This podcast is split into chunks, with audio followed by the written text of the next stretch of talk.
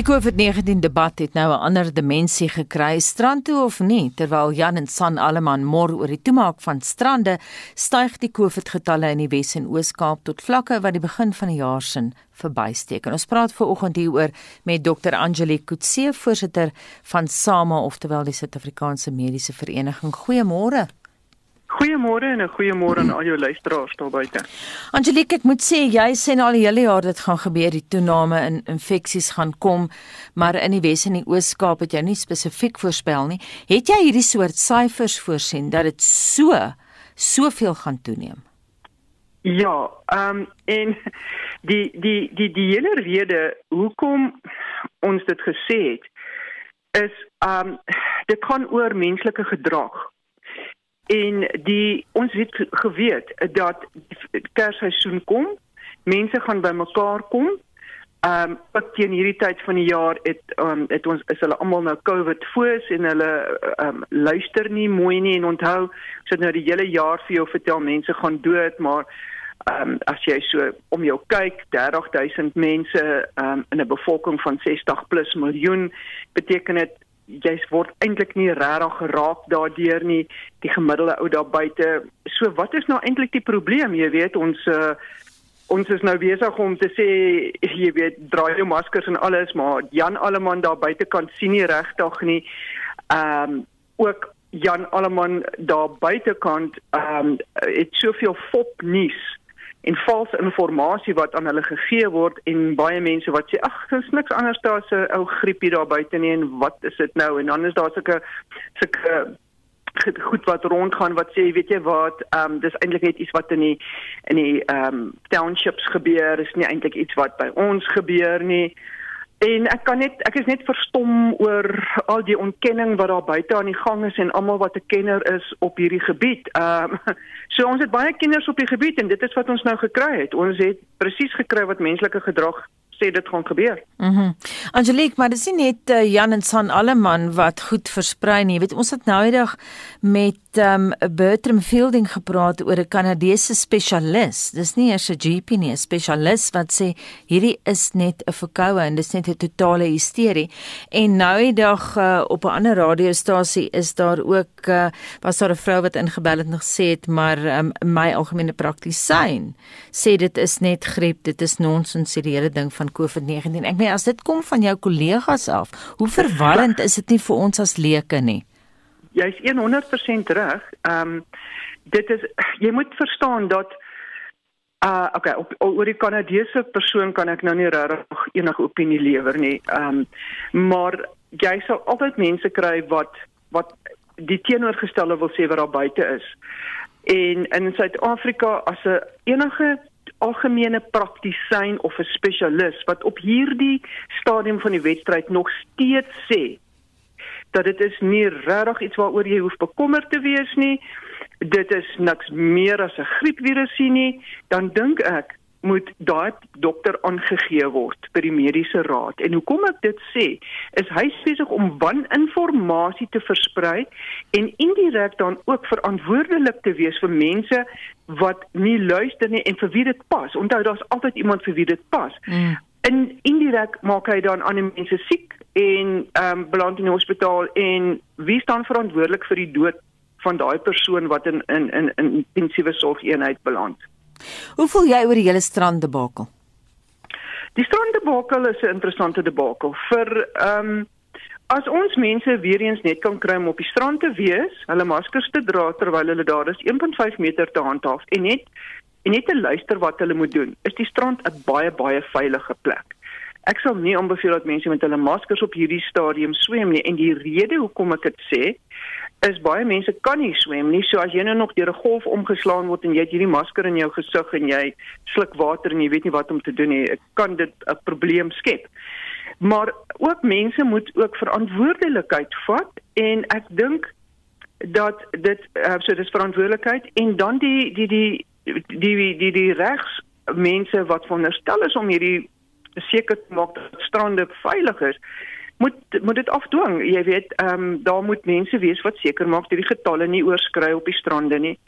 En ehm um, onthou dis nie alle strande wat 'n 'n Kaapstad se strand is of 'n Durban se strand is of 'n Port Elizabeth se strand. So daar's klein areas en nou word daai daai klein areas waar daar eintlik baie min mense is, word nou ook in sekere areas ek sien dit as gestraf of onder dieselfde kam geskeer en en en dit is nie reg nie. Mhm. Mm 'n Praktiese vraag terwyl ons praat van swem. Versprei die virus maklik in water. Ek praat nie net van die see nie, want die see is nou 'n ander kwessie, maar wat van 'n swembad met kloor? Nee, ehm um, nie waarvan ek bewus is nie. Ehm um, interessante vraag, maar nie waarvan ek bewus is nie. Glad nie. Um, hy soek hy soek uh, druppelbesmetting tussen mense. Maar ek sit nou net in ek sit in gril terwyl ek dink wat mense alles in swembaddens doen. Um ja. jy weet hoes en so aan en spoeg en alles en al daai goed gaan in die water in. So jy's redelik veilig as jy in 'n swembad swem met ander mense en jy hou afstand. Maar as jy ja. byvoorbeeld sou water sluk, jy sal oukei okay wees. jy gaan jy gaan okay wees maar as jy COVID het en jy sluk water en jy begin hoes en iemand kom help jou en jy hoes bo oor daai ou, onthou dis druppelbesmetting. Angelique, ons het vroeër al hieroor gepraat, maar party mense mis sekere onderhoude en jy het ja? baie sterk gestaan hier oor ek nog vir jou gevra of jy partykeer voel of jy teen 'n muur praat. Maar jy en Fransjo Venter van Wits is op die raadgewende paneel vir die um, vir die regerende ANC oor hoe om die virus te hanteer en so aan. In breë trekke, word julle voorstelle gevolg of nie?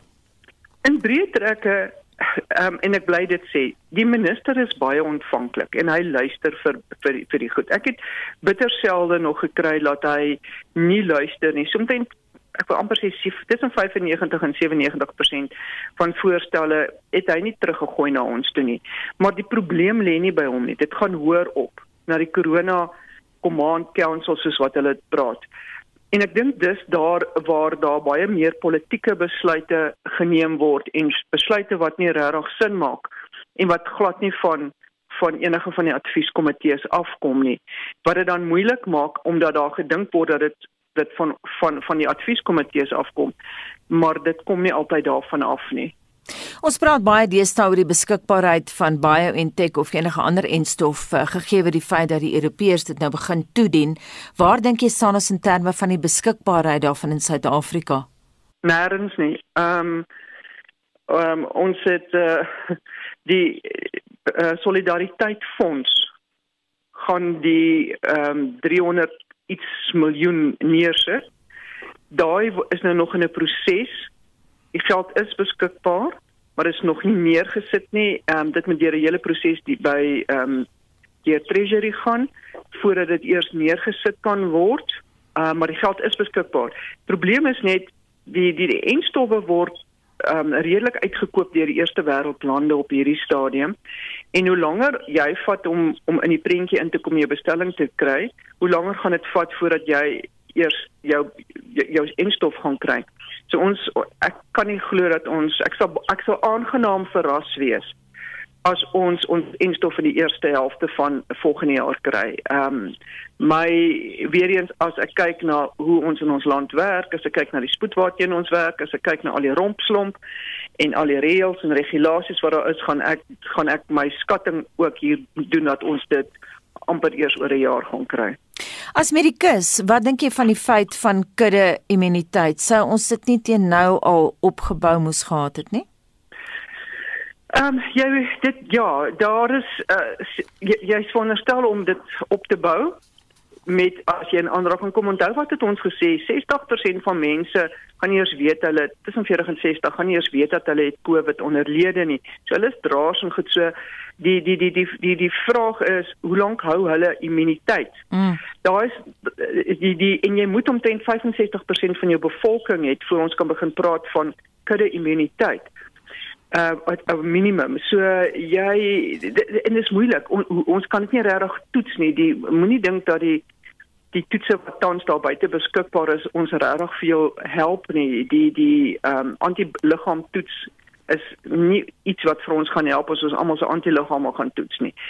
Ehm uh, dit gaan ons nie help om almal se COVID-19 toets te doen nie. Ehm um, onthou daai toets is maar die die die die ehm um, neus en keel eh, toets is maar depper toets is maar ehm um, 60% sensitief.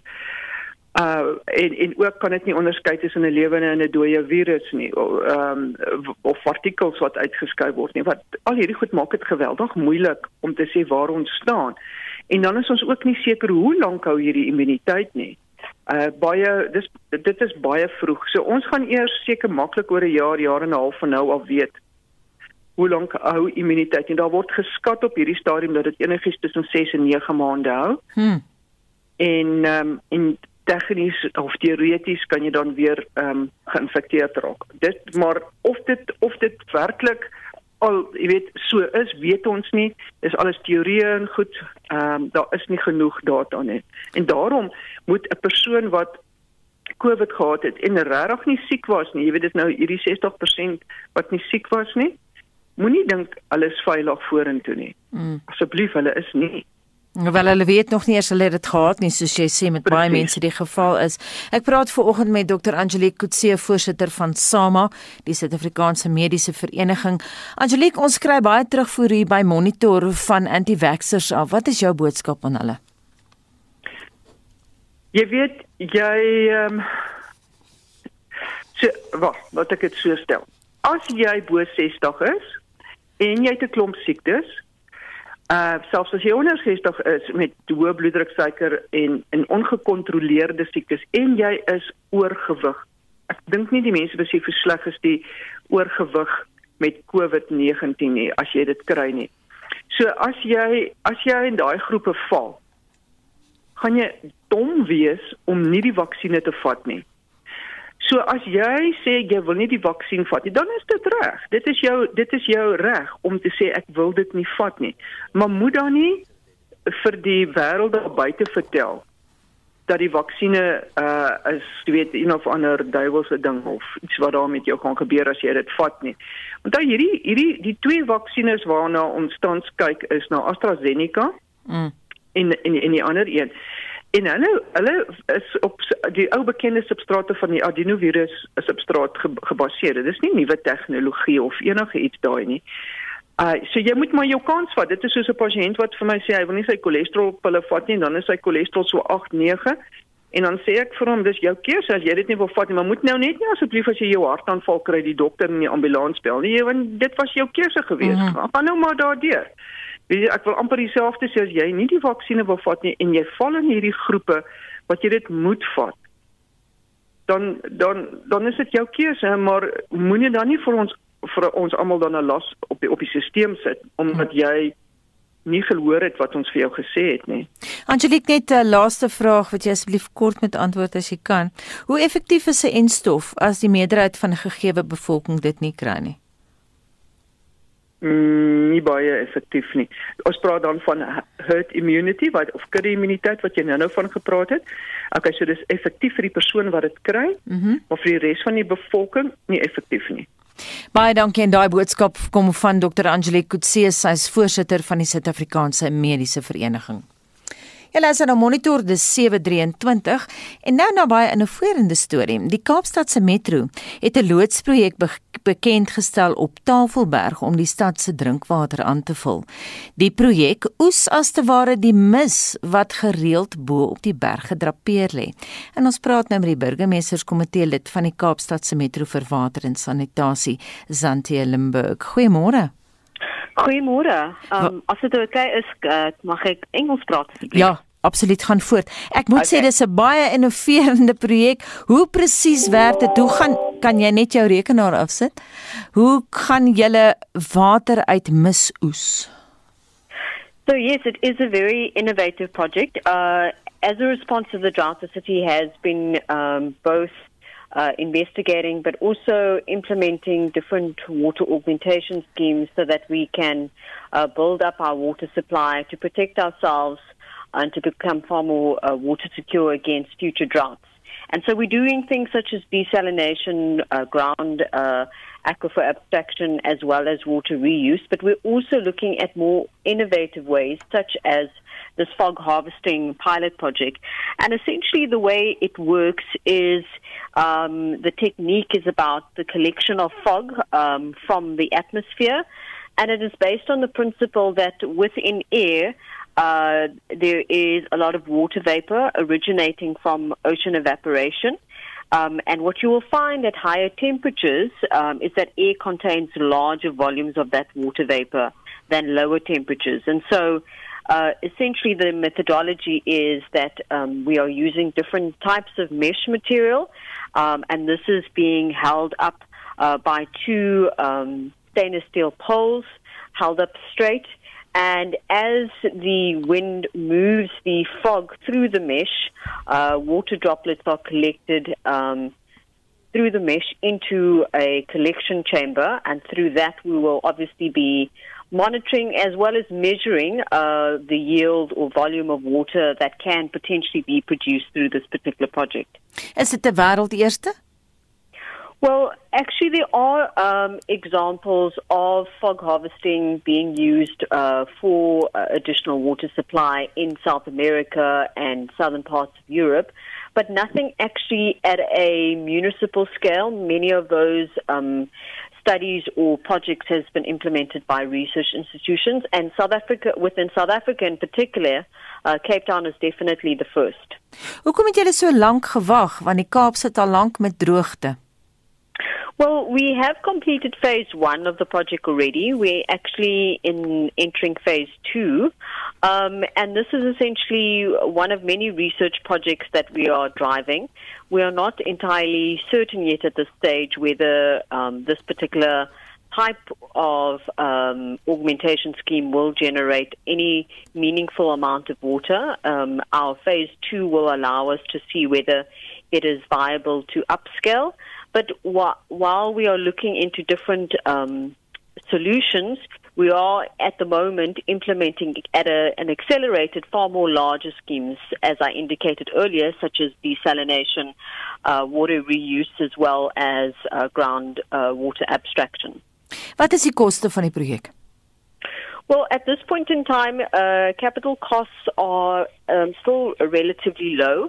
Uh, it's about 150,000 um, we've got two sites up, so each site is around that amount that we've spent um, for equipment, and we will obviously be um, doing uh, ongoing monitoring as part of phase two, and phase two is scheduled to end at the end of 2022, which will assess the volume or yield of water that can be produced from this particular um, technique. Baie sukses met julle projek. Baie dankie dit aan Xanthia Limburg, die burgemeesterskomitee lid van die Kaapstadse Metro vir water en sanitasie. En wat is ons jongste terugvoer? So ons wil vanoggend weet Anita, hoe gereeld bære jy goed weg en dan kan jy dit net nie vind nie om dit eers weke, maande, selfs jare later weer te vind. Tokkie SMS vir ons. Ek bære gereeld goed en klaar altyd. Dis net nêrens. Ek word al gespot deur my dogter oor die nêrens storie en nou wonder sy self waar is hierdie plek of hy liewer ehm um, waar is hierdie plek genaamd nêrens dat ek my goed kan gaan haal. 'n Ander luisteraar sê ek self misplaas alles en dan gee ek altyd vir almal die skuld en na tyd kom dit wat weg was of dan nou sodanig gesteel was weer uit op baie simpel plekke. Een van die Vrystaat sê ek verplaas gereeld items wat ek nie vind nie. Ek het my motorsleutels vir dae lank gesoek toe kry ek hulle in die vrieskas. Rita vertel jare terug toe ek nog gewerk het, het ek my diamant van my verloofring verloor. Oral gesoek tot in my motor se kattebak. En ure later staan ek voor my kantoordeur en toe ek toe ek afkyk, toe lê dit op die sement voor die deur. So sien julle maar sien vir dit sê, o, ek het al my beursie in die yskas gesit op 'n tydstip toe ek die bye was dan iewers gebeur het. en dan Marita Bootse brand wat sê dit gebeur dit gebeur gereeld met haar ook tot my huismense se ontsteltenis en my eie. Is dit nie dalk vroeë tekens van Alzheimer nie, maar Krishna van Staden reageer dan dat dit dalk maar net te doen het daarmee dat die harde skywe net nie by die alledaagse multitasking kan byhou nie. Is dit jou ervaring vir ons teen 150 per SMS na 45889 of praat saam op Monitor en Spectrum se Facebookblad. Ek sal net voor 8 weer terugvoordeel. En ek moet sê, almal se harde skywe is moeg. Die harde skuwe is moeg na 2020.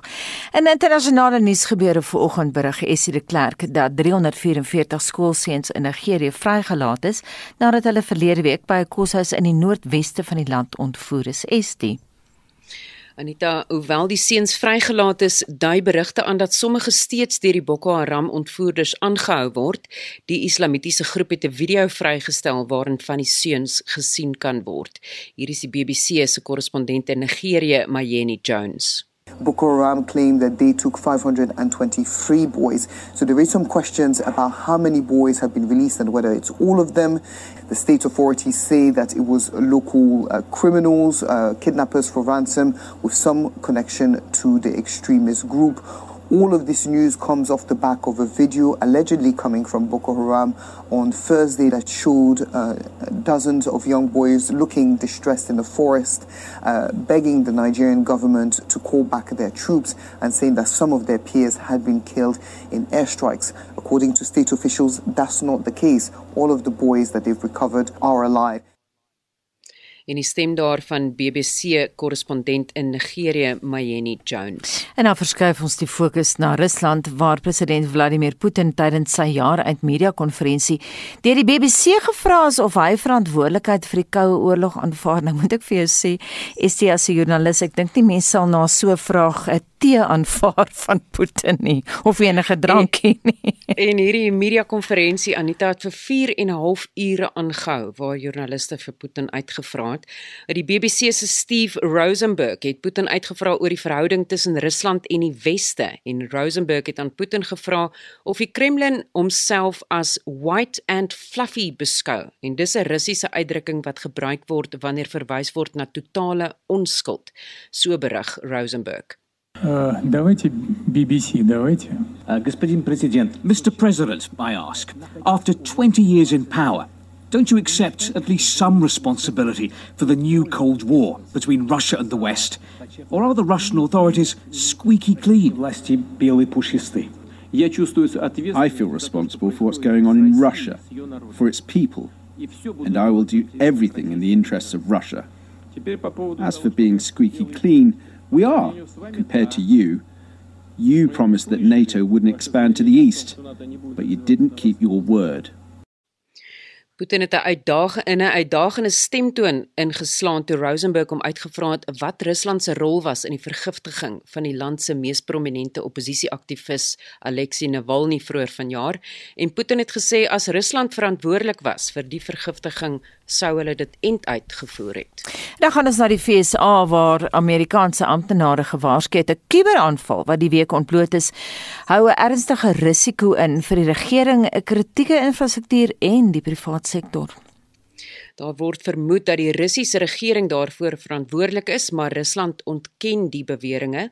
Die Amerikaanse Agentskap vir Sekuriteit vir Veiligheid en Infrastruktuur, CISA, het gister in 'n verklaring gesê regeringsagentskappe, kritieke infrastruktuurentiteite en private sektor organisasies is geteiken deur wat hy 'n gevorderde aanhoudende bedreigingsveld tog noem wat vermoedelik reeds in Maart vanjaar begin het. Die BBC se korrespondent in Washington, Lebo de Seku, gee meer besonderhede. For days now, we've heard more and more and more agencies saying that they have been affected the Treasury, the Department of Homeland Security, the Pentagon, and those two agencies that are in charge of the US uh, nuclear stockpile. Now, um, CISA also said that the hackers didn't just use one way of getting into the system, so it's likely to be wider than we think at the moment or wider than we've seen, and the attack is still ongoing, so very serious. En so sê die BBC se korrespondent in Washington, Lebo Diseko, wat Esie de Klerk se wêreldnuus verslag afsluit. Dis nou 7:40. Die naweek se sportprogram is 'n bietjie rustiger as die vorige paar weke en ons sluit nou aan by Pieter van der Berg. Goeiemôre Pieter. Môre môre Anita. Drie Karibeker rugbywedstryde was vir die naweek of is liewer vir die naweek geskeduleer, maar ek hoor COVID-19 het nou weer gaan inmeng. Ja, jy is doodreg. Die vierde ronde Karibeker wedstryd tussen die Griekwas en die Bulle was geskeduleer om môre om 05:30 gespeel te word. Nou as gevolg van COVID-19 protokolle is die wedstryd afgelas nadat van die Bulle se spelers en spanbestuur positief getoets het vir COVID-19. Beide spanne sal elkeen 2 punte ontvang. Vanaand speel die Pumas en die Vrystaat te mekaar in Nelspruit. Die wedstryd begin om 7:00 en RSG sal gereeld die telling weergee. En dan môre ons se wedstryd begin om 7:00 die aand. Dis tussen die Lions en die Haie in Johannesburg en RSG sal gereeld by my aansluit vir verslae oor die wedstryd. Op die huidige punte leer is die Bulle die voorlopers, hulle 33 punte, die Haaiens tweede met 28, die WP derde met 26, gevolg deur die Leeu's en die Vrystaat. En dan in sewe rugby nuus is uh, natuurlik dat uh, Wêreld Rugby gister aangekondig het dat twee van volgende jaar se toernooie na later in die jaar sal skuif. Die Singapore en Hong Kong toernooie skuif nou onderskeidelik van April maand na 29 en 30 Oktober en 5 tot 7 November. En hierdie Hong Kong toernooi sal dan ook dien as die wêreldreeks se finaal. Die mansgolfspelers se jaar het Sondag ten einde geloop, maar die vroue is nog nie klaar nie. Ja, die vroue se laaste toernooi van die jaar het gister afgeskop. Dis die CME groep se toerkampioenskap wat in Florida in die VS gespeel word. Nou na die eerste ronde is Lexi Thompson die alleen voorloper op 700 syfers. Sy's van die VSA en sy het 'n baie goeie 65 op haar telkaart ingevul. In die tweede plek is Nana Koets Madsen van Denemarke. Sy is op 66 met alhoewel 600 syfer en dan is daar drie spelers wat uh, gesamentlik op 500 is. Dis Megan Kang, Shin Jung Kim en Caroline Messen. Sien dat Suid-Afrikaanse Ashley Bohai, sy staan uh, gesamentlik 12de sy is op 300 syfer na 'n ronde van 69. En wat cricket betref, is daar internasionale toetse, T20 wedstryde, asook plaaslike 4-dag cricket op die lys van aktiwiteite. Ja, op die toetsveld is Australië en Indië slaans en na die eerste toets daar in Adelaide. Nou Indië het eers gekom, hulle was vroeër vanoggend almal uit vir 244 lopies. Dit beteken hulle het die laaste 4 paaltjies vir net 11 lopies verloor. Virat Kohli, hy's uitgehardloop vir 74. Mitchell Stark, hy tel nou onder die top 10 bowlers in Australië. Hy staan op 248 paaltjies in sy loopbaan. 'n Rukkie gelede was die Aussies op 16 vir die verlies van 1. Dis na 14 bilbeurte in hulle eerste beurt en dis Matthew Wade wat daar LB 'n uh, beenvoorpaaltjie betrap was deur Boomerang vir 8 lopies. En dan op die T20 front, pak Nieu-Seeland en Pakistan mekaar vandag op Eden Park in Auckland. Daardie wedstryd begin om 8uur en dan Sondag sal die tweede T20 wedstryd tussen die twee lande gespeel word en dit sal in Hamilton plaasvind. In die plaaslike vierdag reeks staan 'n sake so op die jongste punte leer. In groep A is die Titans die voorlopers met 66 punte en in groep B is die Knights die voorlopers met 87 punte. Sondag sou daar drie wedstryde in die plaaslike vierdag reeks begin, maar Cricket Suid-Afrika het die wedstryde uitgestel weens die stygende koronavirusgevalle in Suid-Afrika. Baie kortliks, wat lê die naweek voor in terme van sokker? Ja, gisteraand se uitslaa, like so Sheffield United en Man United het kragte gemeet en Man United was daar baas met 3-2. Dis natuurlik in die Engelse Premier League en Aston Villa en Burnley, hulle het gelyk op gespeel met 0-0. Vanaand in DStv se Premier League is die aksie in die Harry Gwala Stadion. Manchester United en Stellenbosch sal vanaand om 7uur op die veld stap. Baie dankie dit aan Pieter van der Berg. Die Britse media was opgewonde toe hulle onlangs oor iets anders as COVID kon berig. 'n Egiptiese artefak is in 'n sigaardoos by die Universiteit van Aberdeen in Skotland gevind nadat dit vir dekades lank soek was. Die inhoud van die doos is niks minder as 5000 jaar oud nie en is 'n stuk sederhout wat die Britse ingenieur Wayne Mendick Dixon in 1872 in Egipte se Giza of Cheops piramide ontdek het. Nou die artefak wat volgens argeoloë heel waarskynlik deel was van die houtstellasies wat tydens die bou van die piramides gebruik is, is in 1946 aan die Universiteit van Aberdeen geskenk waarna dit verdwyn het.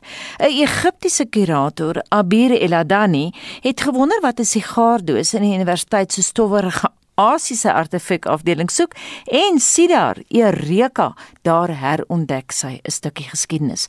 Dit het die monitor span laat wonder oor soortgelyke ontdekkings. Ons steek vanoggend kers op by die argeoloog Anton von van Vollenhoven. Hy is direkteur van die maatskappy Arkeetnos en ook verbonde aan Noordwes Universiteit in sy kapasiteit as buitengewone professor. Goeiemôre. Goeiemôre Anita, môre ook aan die luisteraars. Waaraan het die Aberdeen insident jou laat dink, Anton? Ja, ek dink eerstens moet 'n mens sê dat museumvoorwerpe eintlik nogal vermoed ek redelik gereeld wegraak. Ehm um, maar dan maar weer gevind word en dis maar net omdat daar so verskriklik baie ehm um, voorwerpe in museums is en mense eintlik net na die goed gaan kyk wanneer jy dit dalk nodig het vir 'n uitstalling of vir navorsing. Ehm um, maar daar's 'n hele klomp baie interessante gevalle en die eerste een waaroor ek wil gesels is die Amberkamer. Nou dit is 'n uh, 'n vertrek wat gebou is as 'n geskenk aan die Russiese tsaar in die paleis in Sint Petersburg. En tydens die Tweede Wêreldoorlog het die Duitsers hierdie kamer afgebreek en stuk vir stuk verpak op 'n een van hulle skepe gesit en die skip is gesink. Ehm um, maar nou onlangs word daar berig uit Pole want dit is aan die Poolse kus wat die wat die skip gesink het mm -hmm. dat hulle reken hulle het nou die skip gevind waar in hierdie amberkamer is. Nou verdere navorsing is is nou nog nodig. Ehm um, maar ja, dis een van daai wonderlike gevalle in die dan sou waar wees dat 'n uh, 'n fantastiese stuk um, geskiedenis wat verlore was vir baie lank dan nou teruggevind is. Anton, ek weet jy het 'n fascinerende storie oor die Fabergé eiers. Vertel ons daarvan. Ja, die Fabergé eiers uh, net ter agtergrond is juweliers uh, ware wat die tsaar ook laat maak het as 'n uh, geskenke tydens die Paastyd vir sy familie en vriende en so meer. Daar so 'n stuk of 50 van hierdie eiers gemaak. Nou wanneer jy die eier dan nou oopmaak, dan is daar een of ander klein geskenkie in 'n horlosie of 'n boontjie of 'n koets of iets in hierdie lyn. En die ding is verskriklik ryklik versier.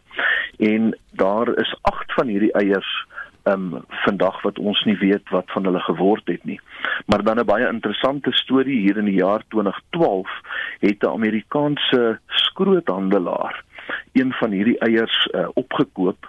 Ehm um, hy wou dit natuurlik gaan gaan verkoop en dan smelt, maar hy het toe agtergekom toe hy die ding uithaal in hierdie geval was daar 'n klein horlosietjie in. Hy het die naam daarop gesien, 'n bietjie navorsing daaroor gedoen en agtergekom dat dit dan een van hierdie Fabergé hmm. eiers is. Ehm um, en die wonderlike vir hierdie man wat se naam ongelukkig nie bekend is nie, hmm. is dat hy so wat 14000 dollar hiervoor betaal, maar die artefak is so 33 miljoen dollar werd. So ehm um, glad nie glad nie sleg vir 'n stukkie vir 'n stukkie werk nie. en wat wat mense by by 'n skrootverwe optel. Kom ons gaan na Suid-Afrika toe. Ons het nou verwys na die skotte wat vir dekades lank bietjie vergeet het van hierdie sederhout wat in die sigaardoos is, maar ek verstaan dat Robert Broom was self baie vereet vergeetagtig die beroemde Robert Broom by Wits Universiteit. Vertel ons 'n bietjie. Dis reg ja, hy's natuurlik die bekende paleoantropoloog wat ook verbonde was aan die uh, destydse Transvaal Museum. En hy het nou maar ehm um, die voorwerpe wat hy gekry het, die die uh die, die skeletmateriaal oral rondom gepak. Hier op 'n rak, sommer daar in 'n baadjie se sak en dan hang hy die baadjie op en dan hang hy ding vir 2, 3 weke voor hy hom weer aantrek. Ehm um, iewers op 'n lessenaar, dalk nie eers sy eie lessenaar nie en so het van die voorwerpe gereeld weggeraak. Soveel so dat hulle besluit het hier in die 30er jare om vir hom 'n assistent aan te stel, John Robinson. Hm. En Robinson se taak was dan juis om seker te maak dat hierdie voorwerpe behoorlik wel in die eerste plek gevind word want van dit was kom ons sê maar tussen aanhalingstekens weg. Uh en om dit dan behoorlik op te skryf, te katalogiseer en seker te maak dat dit op die regte plek gebeere word. En net so laaste storie nog van argeologiese interessanthede in Suid-Afrika, jy het so 3 minute. Ja, die ehm um, bekende ehm uh, Mapungubwe terrein het ons van bewus geraak hier in die 30er jare toe 'n uh, onderwyser um, wat geskiedenis gestudeer het aan die Universiteit van Pretoria en uh, na professor Leo Fouché toe gekom het met 'n klompie van die uh, goue voorwerpe wat hy sy pa en sy oom op Mapungubwe opgetel het. En volgens van Graan het hulle natuurlik heelwat meer voorwerpe opgetel as dit wat hy na professor Fouché toe gebring het. En daar is ook stories uit daardie geweste wat daarop dui dat daar 'n hele klompie mense al voor die van Graans op hierdie terrein teenwoordig was om maar voorwerpe op te op te tel. So vandag weet ons almal van die goue renoster van Mapungubwe. Mm -hmm. Daar's daar's heelwat meer wat ons van weet wat wel in die versameling van die Universiteit van Pretoria is. Uh, ook ander diere, krale, uh en so meer. Ehm um, maar ja, dit is dat dit is verseker dat daar 'n hele klomp van hierdie goue voorwerpe weggedra is van die terrein waarvan ons vandag ongelukkig uh, nie weet waar dit is nie. Miskien is dit iewers in in 'n privaat versameling en dit sal eintlik wonderlik wees as ons hierdie voorwerpe uh, weer kan opspoor en 'n deel van die Mapungubwe goeie kultuurskat kan maak. En miskien gaan ons almal nou skrootwerwe toe danksy daai storie van jou Anton. inderdaad, inderdaad. baie baie dankie vir hierdie onderhoud. Ek waardeer dit dan professor Anton eh, van Vollenhoven. Hy is direkteur van die privaat maatskappy Arca Ethnos en hy is ook verbonde aan Noordwes Universiteit se departement geskiedenis. Dis nou 10 voor 8 en te midde van die vakansieseisoen veg 'n mooi vrou teen lelike drake in Monster Hunter en Leon van Nierop gee vir ons volgens sy indrukke daaroor. Ek weet van baie meer mense wat hierdie Desember tuis bly as gewoonlik en daar word meer flieks as gewoonlik in teaters uitgereik. Verlede week was dit Wonder Woman wat nou landwyd wys en nou takel Mila Jovovich 'n draak groter as die Eiffeltoring in Monster Hunter. Dis gegrond op 'n videospeletjie wat beteken dis groter as die lewe self. Maak jou dus gereed vir 'n geweldige aanslag op jou sintuie, amper soos om in 'n kerspudding te val. Jy kry dit wat jy nie noodwendig in jou TV-kamer kan beleef nie in die Roprent teater. En Monster Hunter is daardie soort uitspattige spesiale effekte film. Dis inderdaad inderdaad die jaar van die vrou as vegter en in Monster Hunter word Jovovich en haar kamerade na 'n vreemde wêreld vervoer waar 'n draak, jy weet soos om, ons as kinders nog in strokiesprente gesien het of in antieke films soos Jason and the Argonauts in 1963 getuister het. Rare kreature en 'n draak raak so groot, hulle kan nie in die roprenskerm inpas nie. Mense verwag dat die silwerdoek enige oomblik gaan skeur en dis presies wat hier gebeur. Dit is speelgoed geweld en selfs wapens wat vuur spoeg doen niks aan die draak nie. Hoe gaan een vrou in beheer van 'n groep dapper stoppelbaard vegters, gespeel deur akteurs met name soos T.I. en Tony Jaa, hom oorwin? Dit is tienerkos, dus sal hulle eerder plesier uit Monster Hunter kry. 'n Videospeletjie as film. Vir my is dit 5 uit 10, maar tieners sal dink dit is baie meer werd in teaters. 'n Film wat vir ouer luisteraars gemaak is en op Netflix wys, is David Fincher se gesofistikeerde en intelligente Mank. Nou min mense sal weet wie Herman Mankiewicz was. Hy was een van Hollywood se toonaangewende draaiboekskrywers in die 30s en 40s en was by tot 80 draaiboeke betrokke op 'n of ander manier. Mank is 'n tyer as hoestroop fliek. Dit gaan oor die geveg tussen die wonderkind regisseur Orson Welles en die besope Mankiewicz oor wie die krediete verdien het as draaiboekskrywer van Citizen Kane. Laasgenoemde word natuurlik beskou as moontlik die beste film wat ooit gemaak is. Mankiewicz voel hy het alleen 'n krediet verdien want dit is sy draaiboek. Wells egoon al stem nie saam nie. Maar in Mank, soos tipies in David Fincher se films, die man wat ook Seven, Fight Club, Gone Girl en The Social Network gemaak het, gaan dit veral oor 'n selfvernietigingsproses.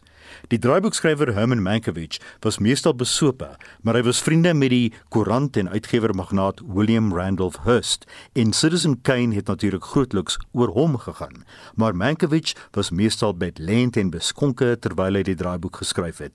En die rolprent wys dit in geen onsekere terme nie. Waarmee ek waarsku, as jy Citizen Kane nie ken nie of nie veel belangstel wat daar in die 30 en 40er jare gebeur het in die rolprent wêreld nie, sal Mank moeilik wees om te volg volg en te verstaan of te waardeer. Maar selfs David Fincher bewonderaars sal voel die geniale regisseur het nou te ver gegaan. Asemrowend om visueel na te kyk, maar Fincher oorskat sy gehoor en homself 'n bietjie. En so Citizen Kane vir Orson Welles oorgeneem en verdwerg het, gebeur dieselfde in 'n mate met Mank en Fincher. Wat my betref, nie een van sy beste films nie. 7 uit 10 Netflix. Dan die tweede aflewering van 'n veelbesproke en skokkende tienerreeks Euphoria wat eksplosiete seks en dwelmtonele bevat van die ontspoorde Amerikaanse jeug. Die heel eerste episode is eintlik een lang gesprek tussen Zendaya as die rebelse dwelmgebruiker Rue Bennett en 'n vriend. Hulle filosofeer oor die dood, dwelms, die lewe, seksualiteit, roos lesbies en al die struikelblokke en slaggate in die pad van jong mense in die moderne Amerika en hoe om te oorleef. Dis op Showmax. Euphoria nommer 2. Lees die resensies op rsg.co.za se webwerf en klik op fliekrubriek onderaan die bladsy en vir ouer resensies stuk die naam van die fliek in die soeklyntjie. Oor 'n week is dit Kersfees. Daarom praat Dr Willem Botha vanoggend oor Kersfees en die Kers in Kersfees. Dr Botha is hoofredakteur en uitvoerende direkteur van die Woordeboek van die Afrikaanse taal. Op 25 Desember word Kersfees gevier en al wat mens is, is bewus daarvan. Vanjaar is die Kersatmosfeer in 'n kommersiële sin effens gedemp weens die pandemie. Ook in 'n geestelike sin heers daar 'n gedempte, ongewone atmosfeer. Sommige kerke het reeds dienste gestaak weens die tweede vlaag van die pandemie en die gebruikelike Kerssangdienste is op 'n baie kleiner skaal as gewoonlik aangebied. Soms selfs in die buitelug wat 'n verfrissende vernuwing was. In die Woordeboek van die Afrikaanse taal word interessante aanhalinge by die woord Kersfees gegee wat heelwat agtergrondinligting oor Kersfees verskaf. Christus vorm die middelpunt van Kersfees. En uit die werk van J.J. Müller sedert die 1600s het die gebruik van 'n boom met liggies by Kersfees algemeen ingang in Duitsland en die Lutherse kerk gevind en van daar het dit oor die hele Christelike wêreld versprei. Dan uit die ou Suid-Afrikaanse panorama van hul Europese voorouers het Suid-Afrikaners al die gebruike van 'n tradisionele Europese Kersfees geërf. En laastens uit die werk van SP Milan, lief hê en gee is die twee dinge wat van Kersfees waarlik Kersfees maak. Die Kers in Kersfees kom uit die Nederlands Kerst.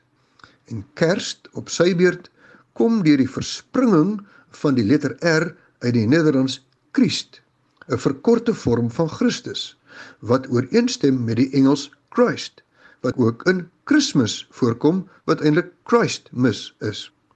In Kaapse Afrikaans praat ons nog van Chris vir Christen met Christe as meervoud. Dit kom waarskynlik uit die ou vorm Christen met 'n K wat dan afgekort word tot Chris met 'n K ook. Enkele voorbeelde hiervan uit die Woordeboek van Afrikaanse taal is: Hy is Chris. As jy Chris is, is Sondag jou heilige dag. Daar is ook 'n aanhaling uit Heidesee van Erm Smol. Sy mag moslem gewees het en in haar hart dit bly. Maar die feit is dat sy tussen die Christe ingetrou het.